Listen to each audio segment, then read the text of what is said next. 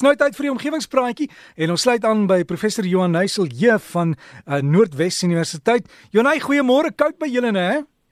Goeiemôre Derek en al die omgewingsvriende. Ja, Derek, so die laaste 2 dae is weer bietjie aan die koeler kant, maar die son is warm op, so ons is positief vanoggend. Uh Derek, maar ja, ons gesels vanoggend oor Lego, né, nee, daardie klein speelgoedblokkies waarmee ek glo almal van ons mee groot geword het. Ja, ek onthou as nou, 'n kind, jy weet ons het met dit gespeel en daar was nie 'n groot verskeidenheid nie. Deesdae weet jy nie wat om te kies nie, daar's so baie. Verseker Derek se Lego bestaan al 60 jaar hierdie jaar en dis vandag een van die bekendste handelsmerke ter wêreld, né? Nee? Maar soos jy sê, dis glad nie net meer bedoel vir kinders nie, want hierdie Lego stelle van vandag lyk al aansienlik anders as daai tradisionele rooi en geel en blou blokkies. En ons gebruik self Lego in tersiêre onderrig. So hier by Stads- en Streeksbeplanning het ons so 'n volledige Lego stad met geboue en paaie en motors en bushaltes en selfs groenruimtes om die teorie van stedelike ontwerp vir ons studente te illustreer. Maar jy wonder nou seker wat het die omgewingspraatjie met hierdie Lego speelgoed te doen? Nou Lego het op 1 Augustus van hierdie maand die eerste omgewingsvriendelike Lego blokkies bekend gestel. En hierdie blokkies word gemaak uit suikerriet. So hierdie suikerriet gebaseerde blokkies is die eerste bioplastiek blokkies wat hierdie Lego groep dan nou beskikbaar gestel het. En dit nadat hulle eintlik al baie lank besig is om navorsing te doen en te kyk hoe hulle fossiel uh, brandstof gebaseerde grondstowwe kan vervang met hierdie bio gebaseerde grondstowwe om dan nou plastiek mee te maak. So Lego het 'n sentrum in Denemarke waar klomp wetenskaplikes werk en elke potensiële bioplastiek toets in terme van stabiliteit en sterkte. En dit is vir hulle baie belangrik dat elke blokkie net so sterk is en net so perfek op mekaar pas soos toe die eerste blokkie gemaak is in 1958. So daarom doen hulle ook al hierdie navorsing op hierdie bioplastiek om seker te wees dat dit nie sal breek of sal splinter wanneer daarmee gespeel word nie. Nou bioplastiek verteenwoordig op die oomblik so 1% van alle plastiek wat vervaardig word. Maar hierdie bioplastiek mark groei teen meer as 20% per jaar. En die groei is deels omdat mense al hoe meer bewus word van die groot negatiewe impak van gewone plastiek, maar ook omdat daar al reg baie vordering gemaak is in terme van die samestelling van die bioplastiek. So dit ryk byvoorbeeld nie meer so sleg nie en dit is ook nie meer so duur om dit te vervaardig nie. En soos wat hierdie Lego suikerriet gebaseerde blokkies wys, is dit nou net so sterk soos ons gewone plastiek. So volgens hierdie Lego groep is die blokkies wat gemaak is uit hierdie suikerriet materiaal tegnies identies tot die tradisionele blokkies. Dit is natuurlik nou net baie meer omgewingsvriendelik want die bioplastiek blokkies het 'n baie laer koolstofvoetspoor as ons konvensionele uh, plastiek. En as hy as hy in die omgewing beland gaan hy dan vinniger opbreek ook en en deel word van die omgewing. Um dit is op die oomblik is hulle herwinbaar, maar is nog nie bioafbreekbaar nie. So mm -hmm. dit mhm. is die volgende stap waartoe Lego gaan. Maar ten minste is dit nou al goeie nuus want as mens nou dink daar 36000 blokkies wat elke minuut vervaardig word, dan is dit goeie nuus dat hierdie um Lego groep nou al in hierdie rigting begin beweeg. Maar um Ja, soos ek gesê, dis nog nie al die Lego blokkies wat ook van hierdie Lego of van hierdie bioplastiek gemaak word nie. So dit staan beperk tot die meer buigbare items, né? So dit is nou soos die bome en die plante wat in al die Lego stelle voorkom. Dit is nou van hierdie nuwe plastiek gemaak.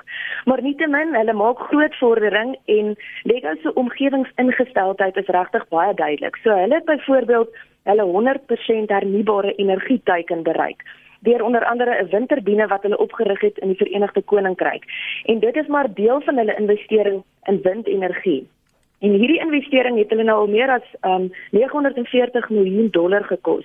En hulle sê dat die elektrisiteit wat hierdeur opgewerk word is meer as wat deur al hulle fabrieke en kantore en winkels benodig word. En sommer net so 'n interessantheid om toe nou hierdie 100% hernubare energie myl te vier, het hulle toe nou 'n groot windturbine uit Lego blokkies gebou. So 146000 Lego blokkies om presies te wees.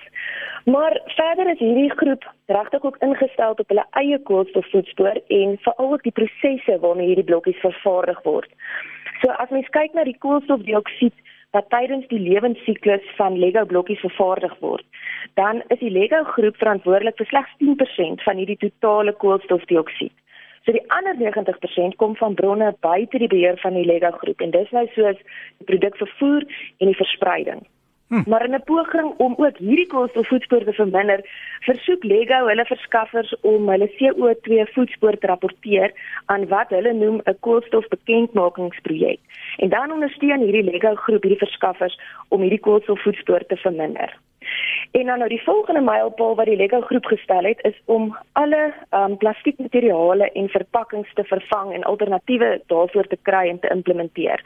So hulle sê ook baie duidelik, hulle besef elke blokkie wat gemaak word het 'n impak op die planeet, maar hulle poog om seker te maak dat dit is 'n positiewe impak. Hmm. Jonne, ja, dis dis dis ja. baie goeie nuus en net gou 'n ander punt daar is, hulle is nie die enigste maatskappy wat dit doen nie. Ek sien deesdae ek weet nie of jy een van hierdie koffiemasjiene het wat jy die kapsules of die koeltjies insit met die koffie in nie en dan loop die water deur en jy het, jy het vinnig espresso. Uh van die nuus wat jy nou kry, kan jy letterlik in jou tuin gooi. Uh, hulle hulle breek heeltemal op, hulle word deel van die kompos. Dit is vir Derek, ek het dit gesien en dit is veral deel van die sosiale druk wat hierdie maatskappye ook nou het, nê, om meer omgewingsvriendelik op te tree. So dis alles in belang van ons omgewing en my groen gedagtes sluit bietjie daarbey aan. So mag ons wanneer ons ook 'n Lego blokkie in die toekoms sien, hè, mag ons herinner daaraan word dat ons in belang van ons omgewing moet optree. So ek dink as ons kinders daar speelgoed nou al sulke goeie vordering kan maak, is ek seker ons as omgewingsvriende en die res van ons maatskappye sal ook kan. So mag hierdie Lego blokkies vir ons 'n simbool wees en herinnering wees dat ons maar altyd in belang van ons omgewing moet optree. En dan net 'n net 'n nota oor speelgoed, val plastiek, uh van die goed kan gevaarlik wees vir babas, so dis hoekom daar altyd 'n ouderdomsperk is, net maar vir kinders van 5 jaar en ouer, want as hulle dit in die mond kry en insluk, dan kan hulle verstik en en doodgaan. So mense moet baie versigtig wees. Dit is so direk um jy sê die sentrum in Denemarke is 'n hele klomp mense wat sit en spesialiseer oor omgewingsveiligheid maar ook oor die veiligheid van die gebruiker. So dit's baie wetenskap wat agter dit ingaan so mens moet maar instruksies goed volg. So gesels ons dan met professor Johan Heisel hier van Noordwes Universiteit en as jy wil kontak maak, die e-posadres is omgewingspraatjies die meervoud omgewingspraatjies by gmail.com en ons plaas ook vir jou gerief op die omgewingspraatjies webtuiste. Die inligting as jy wil bydra asseblief, gaan skryf daar of stuur 'n e-pos of as jy onderwerp het, dalk kan ons volgende week daaroor gesels.